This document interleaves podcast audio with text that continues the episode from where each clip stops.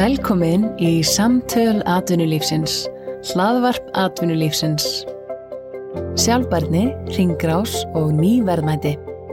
Komið sæl og verið hjartanlega velkomin í sjónvarp atvinnulífsins.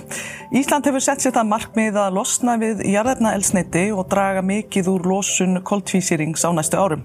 Það kallar á aukna framleiðslu á grænni orku en einnig að við finnum nýja lausnir, græna lausnir í stað þeirra sem að fyrir eru. Svo nýsköpun felur einnig í sér ímist tækifæri til aukinar verðmættasköpunar. Á umhverjastegi atvinnulífsins heyrðum við frá auðlindagarði HS Orku þar sem að fjölmörg fyrirtæki búa til nývermætti í formi matvæla, snirtivara, rannsókna og nýra starfa og fleira úr því sem áður hefði fallið til úr virkininni. En þau eru alls ekki þau, þau einu sem að líta til þess að nýta sína auðlindaströyma betur. Viðmælandi minn í dag er Sigurður Markusson, forstöðumadur nýsköpunar hjá Landsvirkjun, þar sem fjölmörg verkefni eru þegar komin á stað eða eru í pípunum. Verður velkomin Sigurður. Takk fyrir. Segðu mér aðeins svona, hvers konar nýsköpun er þetta sem þið eru að vinna að hjá Landsvirkjun? Ég hann alltaf mjög fjölbreytt, við erum, við erum stort fyrirtæki og rekum, rekum sko, orkuver út um, út um all land og, og, hérna, og, og komum víða við í okkar nýsköpunum sluðið segja en, en kannski fyrsta lagi þá er, er nýsköpunum svona það sem við kannski fyrst og fremst gert svona í, í fortíðin er það sem við snúið á okkar eiginstar sem er nýsköpun í, í, í að, að, að bæta og breyta því sem, því sem hérna því sem við gerum sjálf í okkar rekstri og, og sem snýr slumum þess að umhverjusmálum að draga úr, draga úr áhrifum á umhverfið og, og, og bæta svona, en það sem hefur kannski breyst svolítið síðustu árin er að, að, að við höfum kannski farið að vera svolítið virkari í svona eh, þeirrum virðiskeðjum sem við erum í eh, eh, lengra niður verðiskeðin eins, eins og í hvað fer ramagnið og taka þátt í, í nýsköpun með fyrirtækjum sem, sem nýta rafmagnið sem dæmi, uh, orkuskiptum náttúrulega. Það er, er mjög stór póstur hjá okkur að, að skoða tækifæri og mögulegi orkuskiptum og svo hefur við, hefur við einnig farið að vinna svona að því að þróa og búið til tækifæri með uh, samfélögum, svona nærsamfélögum uh, okkar virkjarnarsvæði, skulum við segja þar sem, þar sem við hefum unnið að, stopna svona samstagsverkefni með sveitafélagunum og, og þannig að við erum, við erum að vinna svona eiginlega á öllum skalarum skulle við segja að, að allt frá því að, frá því að að stuðla betri starfsefn hjá okkur sjálfum yfir því að stuðla líka því okkar viðskiptavinnir og, og, og umhverfi í kringum okkur geti skapa, skapa nýttakifæri Og hvers konar tækifæri eru þetta sem er í bóði í þessum virkinarsvæðum ykkar út um allt? Já, við tökum, tökum virkinett okkar sjálfar sem, sem dæmi, sko, þá, þá höfum við til dæmis verið að skoða í tengslu við jarvarmann, líkt og er, líkt og er, er, er hérna eins og myndist á áðan út á auðlindegarðinum hjá þessu orku, þá höfum við einnig verið að skoða tækifæring í tengslu við okkar virkinir, e, hvað er hægt að, að nýta jarðhittan meira í og, og þar er alveg ljóst að, að, að svona heita vatnið, skulum við segja, sem er tengslum við jarðhættavirkja, þetta er á, á sumum stöðum mannýtt og þar eru tækifæri til, til að nýta það betur í, í, í, í því að á sama hátt og, og, og, og kannski eins og út í Evrópu sem, sem er að, að kljást við, við hátt gasverð núna þá, þá, þá notur við jarðhitta í hittun og það sem þeir nota gas og sangkjörnishæfni fyrirtækja sem hefur áhuga á til dæmis að nýta jarðhitta í, í rekstur, til dæmis í gróðurhúsum eða, eða einhvers konar, allt, alls það sem þarf hýta þá, þá er þetta að nýta jarðhittan uh, tölvert meira. Og, og það er svona eitt dæmi um, um sem er að vinnaði okkar virkjunum, það er það er verið að skoða möguleika á, á nýtingu á gösum uh, eins og, eins og hérna í sem hráefni í, í yðnað eða, eða, eða sem, sem, sem hráefni í, í endunir elsneiti eins og, eins og, eins og metanól. Og ímislegt svona sem við höfum verið að skoða sem hérna sem getur svona, sem er í anda svolítið þess að svona ringrásar hugsunar að bæta, bæta nýtingu eða eru einhverjir einhverjir ströymar, einhver efni sem falla til að við getum, getum nota það sem tækifæri sem, sem í staðin fyrir að hugsa um það sem mengun og hugsa um það sem tækifæri til að búa til eitthvað nýtt og aukinn verðmæti og, og, og þannig svona á endanum skapa jákvæðir áhrif náttúrulega okkar starfsemi. Einmitt. Þú myndist á metanól og kannski annað elsneiti. Við erum náttúrulega að stefna því að losa út bensín sem er, er rosalega stór já, orkugjafi í okkar samfélagi. Þetta lítur að vera risastór tækifæri fyrir okkur bara að búa til eins og segir, nýta betur og hérna fá meiri verðmætti inn fyrir orkun okkar. Alveg klálega því að við sem þjóð við flytjum inn, inn sko jarðarnægstætti fyrir, fyrir um 100 miljardar á ári. Og það að við getum sko fundið leið til að framlega það elsniti sjálf fyrir okkur sé er náttúrulega rosalegt sko bæði umhverfislegt og efnaðslegt uh, tækifæri. Og, og það sem við höfum verið einbit okkur að núna já, í, í svona uh, okkar, okkar nálgun á sem álhjá landsveikjun er, er að reyna að skilja hvað, hvernig þessi, þessi skref sem við þurfum að taka framöndan eru hvað, hvernig tæknilega hliðin, hvernig munum við þurfum að gera þetta hvar verður þetta gert uh, hvernig uh, tæki munu koma til með að nota þetta fyrst og, og, og þannig og, og þetta eru margar, margar og stóra spurningar og það er alveg ljóst að það munu segja, vera rosalega stóra breytingar á, á því því að, því að maður kannski átta sig ekki ofta á því að hvernig allt allt ólíja og annað jarðnvægst er alveg, er svona þræðir þess líka, skulle ég segja, víða inn og þannig að við höfum verið að skoða þetta mjög djútt núna og, og á, að reyna svona átt okkur á hvað er hægt að framlega þetta, hvað þurfum við mikið þessu, þurfum, og náttúrulega hvað þurfum við miklu orku í þetta. Og, og þetta er ljóst að orkan, orkan sem er í öllu þessu jarðmæðist sem er keift fyrir 100 miljardar á ári þar hún, hún þarf að koma einhverstað annar staðar frá. Og, og það, er, það er náttúrulega líka stórlitaði sem, sem fyrirtækið er að skoða. En, en ég held að, að svona á næsta ára týr munum við sjá rosalega breytingar þar sem, þar sem hægt og rólega verður skipt út uh, alls konar tækjum, uh, alls konar ferlum sem, sem fólk þekkir bara frá því að bara allt, allt sitt líf hefur verið háðið erðinarlistiti en mun koma sko, nýjar, nýjar lustnir inn á næstunni sem, sem munu það og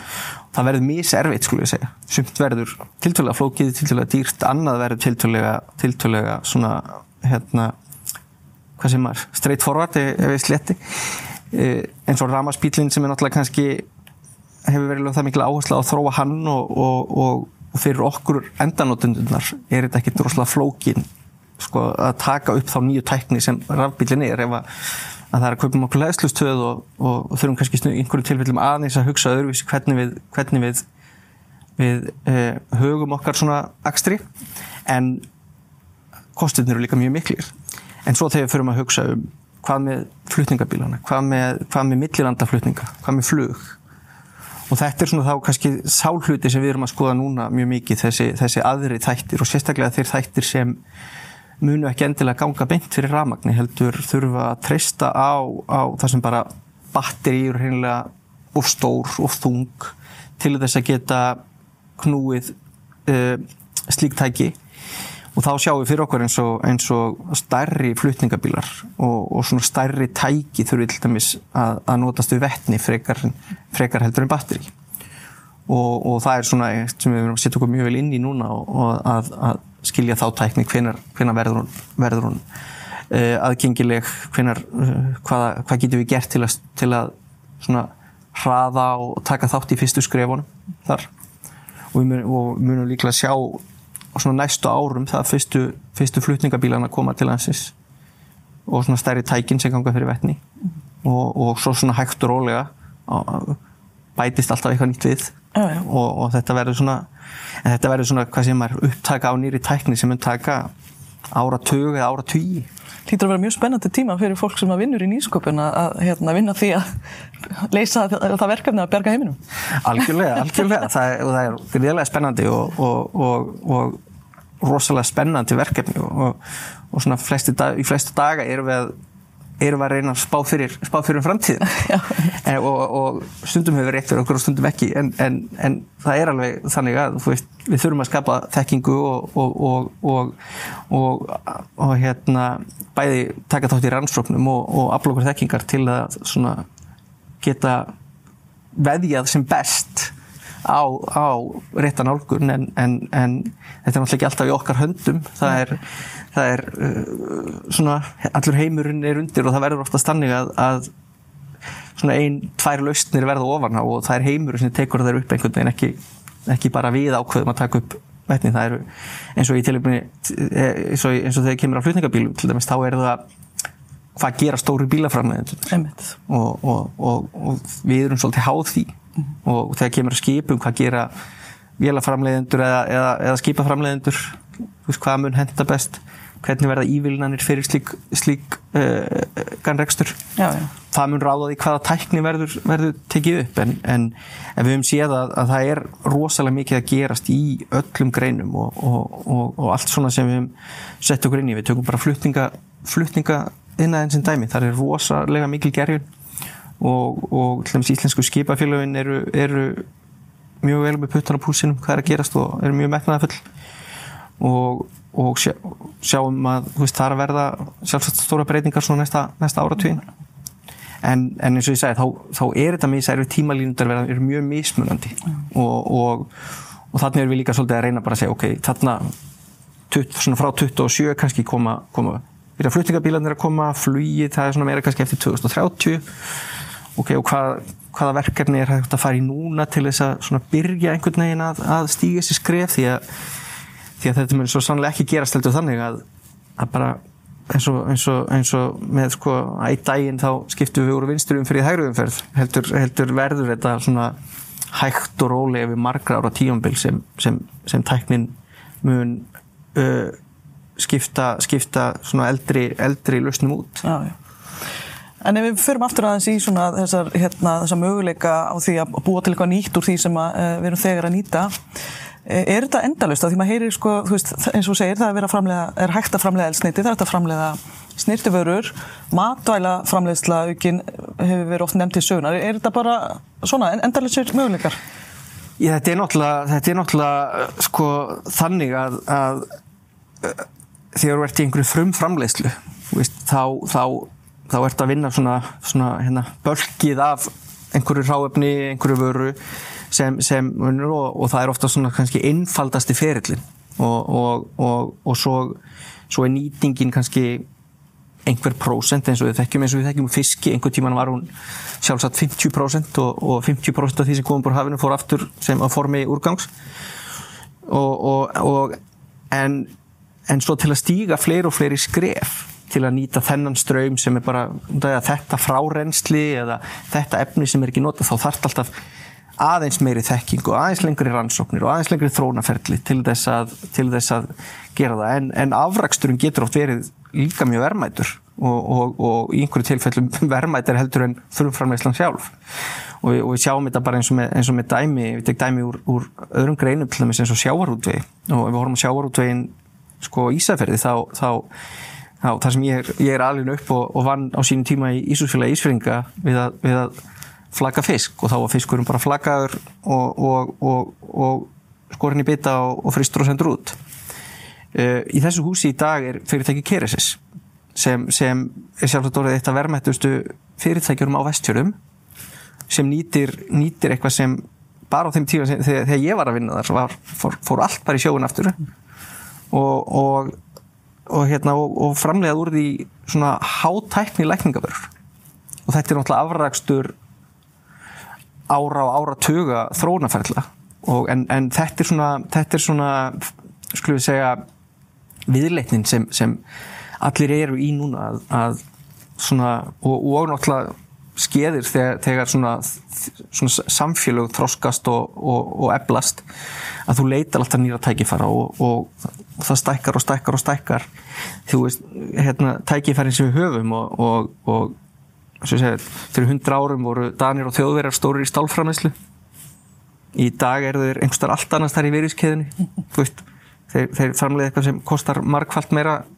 og er oftast miklu meiri tæk, byggt meira á tækni og þekkingu og, og sama þróunin náttúrulega gerast kannski á, á Íslandi að, að eftir sem tími líður þá spinnur þetta utan á sig og verða til nýjum möguleikar og, og ég held að það eru möguleikar alls það við eigum ónýtt að ströyma ónýttar, ónýtt form á orku eins og í heita vatninu sem er viðurland e, lítið notað. Allir svo koltvísýringur sem, sem er blásið út í lofti í dag er eitthvað sem við höfum líka eftir að þurfa að nota. Við höfum eftir matvælaframæslega eins og nefndir á sem dæmi e, í svona matvælafræmisli stýrðu umhverfi þar þartu koltvísingin sem byggingarefni til að út af því að þú ert með loka kerfi þá þarf þetta að setja koltvísing inn sem byggir byggir vörna eins og bara ef við tökum þörungaræktun sem dæmi sem er svona nýr og spennandi innar á Íslandi þá held ég að þurfir þrjú tonna koltvísýringi fyrir eitt, eitt tonna vöru sem þú framleiðir. Þannig að koltvísýringur er líka líka spennandi framleiðslu vara og nöðslega framleiðslu vara og því, því ein, ein lausnin kannski á, á, á eins og, og loftlas kannski nálgun sumra fyrirtækja sem, sem eru með útblástur í sinni starfsemi er að finna leið til að hagnýtan mm -hmm. og það er eitt af því sem við skoðum mjög mikið og, og í okkar starfsemi og, og, og, og svona gagvast svona þeim fyrirtækjum sem sækja til okkar og er að skoða Ísland sem möguleika að, að við höfum séð að meir og meira þeim fyrirtækjum sem hafa áhuga á því að koma til Íslands og hefja starfsemi þurfa koltissing það eru, það eru einhvers konar svo segi, segi svona rafelsnitis eða, eða matvæla eða líftækni tengt fyrirtæki. Og það þarf koltissing sem, sem hráöfnilega og, og, og það, þetta er eitthvað sem, sem, sem hefur til dæmis verið mikill áhugi hjá, hjá, hjá stærriðin fyrirtækjum og ef ég tek bara, tek bara fyr, kísil fyrirtækin sem dæmi. Þetta er eitthvað sem hefur verið mikill áhugi á, á nýtingu hjá, hjá þeim fyrirtækjum og, og þannig að tækifærin eru held ég allstaðar en, en, en kannski ólíkt í svona sem var í, skulle segja, í fortíðri að, að, að þá, þá eða hvert skref sem við tökum lengra í svona nýtingu þá, þá eikst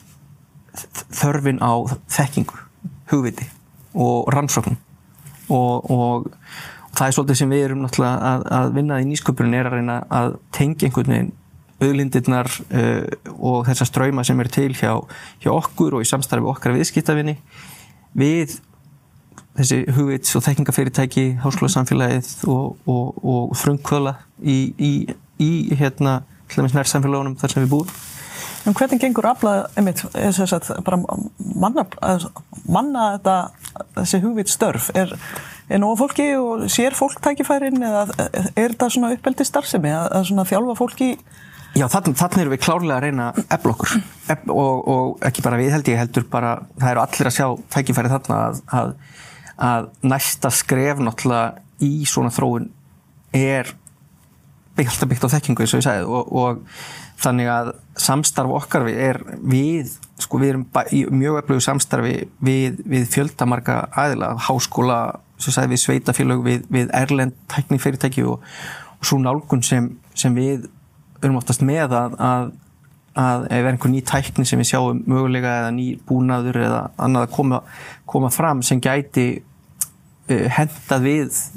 einhvað, einhvað sem við erum að gera eða, eða okkar viðskiptavinnir aðrir þá, þá byrjum við oftast á því bara að, að ræða við stæðstu, stæðstu og leiðandi fyrirtæki heimi og því hvað er að gera að reyna að fara í samstarfi við þá aðila mhm. um að gera eitthvað á Íslandi og, og, og, og ofti og eins og við komum að rafelsneitinu eða öðru slíku þá, þá er það svona doldið okkar nálgun að, að vera bara í góðu samtali við alla þá sem eru svona að gera eða framlega búna eða gera svona eitthvað, eitthvað sem, sem er, er leiðandi. Þannig að, þannig að til þess að, að, að veist, ekki af þessu verður eitthvað einhverja heimasmíða lausnir eða mjög lítið skulle ég segja. Það eru fyrirtæki á bakvið eins og við tökum vettnisframleyslu sem dæmi við erum kannski að sjá stór uh, hundruður ára, nokkur hundruður ára gömul fyrirtæki sem eru hefbundi tækjaframlegendur, efnaframlegendur annað sem ætla að stíga svo inn í þetta græna hagkerfi. Og og þá gera er það kannski með því að stopna nokkur hundru eða nokkur þúsund manna deild í fyrirtækin. Og, og, og setja kraft í svona þróun sem, sem við hér á Íslandi getum ekki gert. En það sem við getum gert er að bjóða upp á vettvang, bjóða upp á samstarf bjóða upp á samstarf við aðeila sem á Íslandi sem geta lært og tekið upp þessa þekkingu.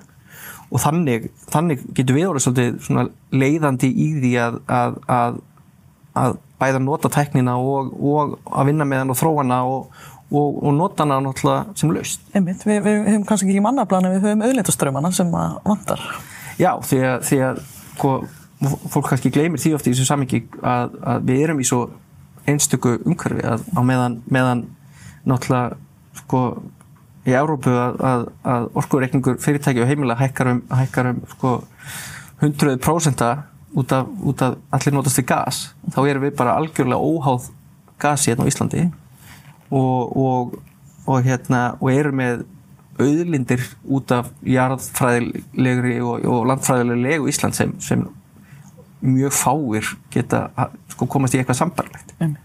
en, en við þurfum líka að nýta þér vel og ábyrgan hátt og, og, og þessi nýsköpun og þróun er eitt hluti af því að, að stuðla ábyrgri nýtingu. Mm -hmm. Þið hafið verið með mjög starka tengingar sérst bæði eins og segir við stærri fyrirtæki en líka inn í nærsemfélagið og þið rekið núna nokkuð batteri við sveigurum landið, Blámi og Vestfjörðum Eimur fyrir Norðan og Orkidea er einhverja svona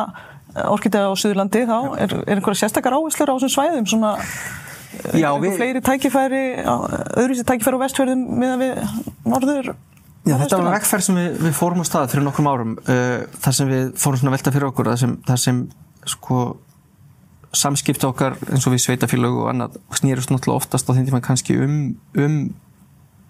sko orgu vinslu og, og áhrif orgu sko framkvæmda sem sagt orgu vinslu mannvirkja og, og slíkt. En við vildum líka svona kannski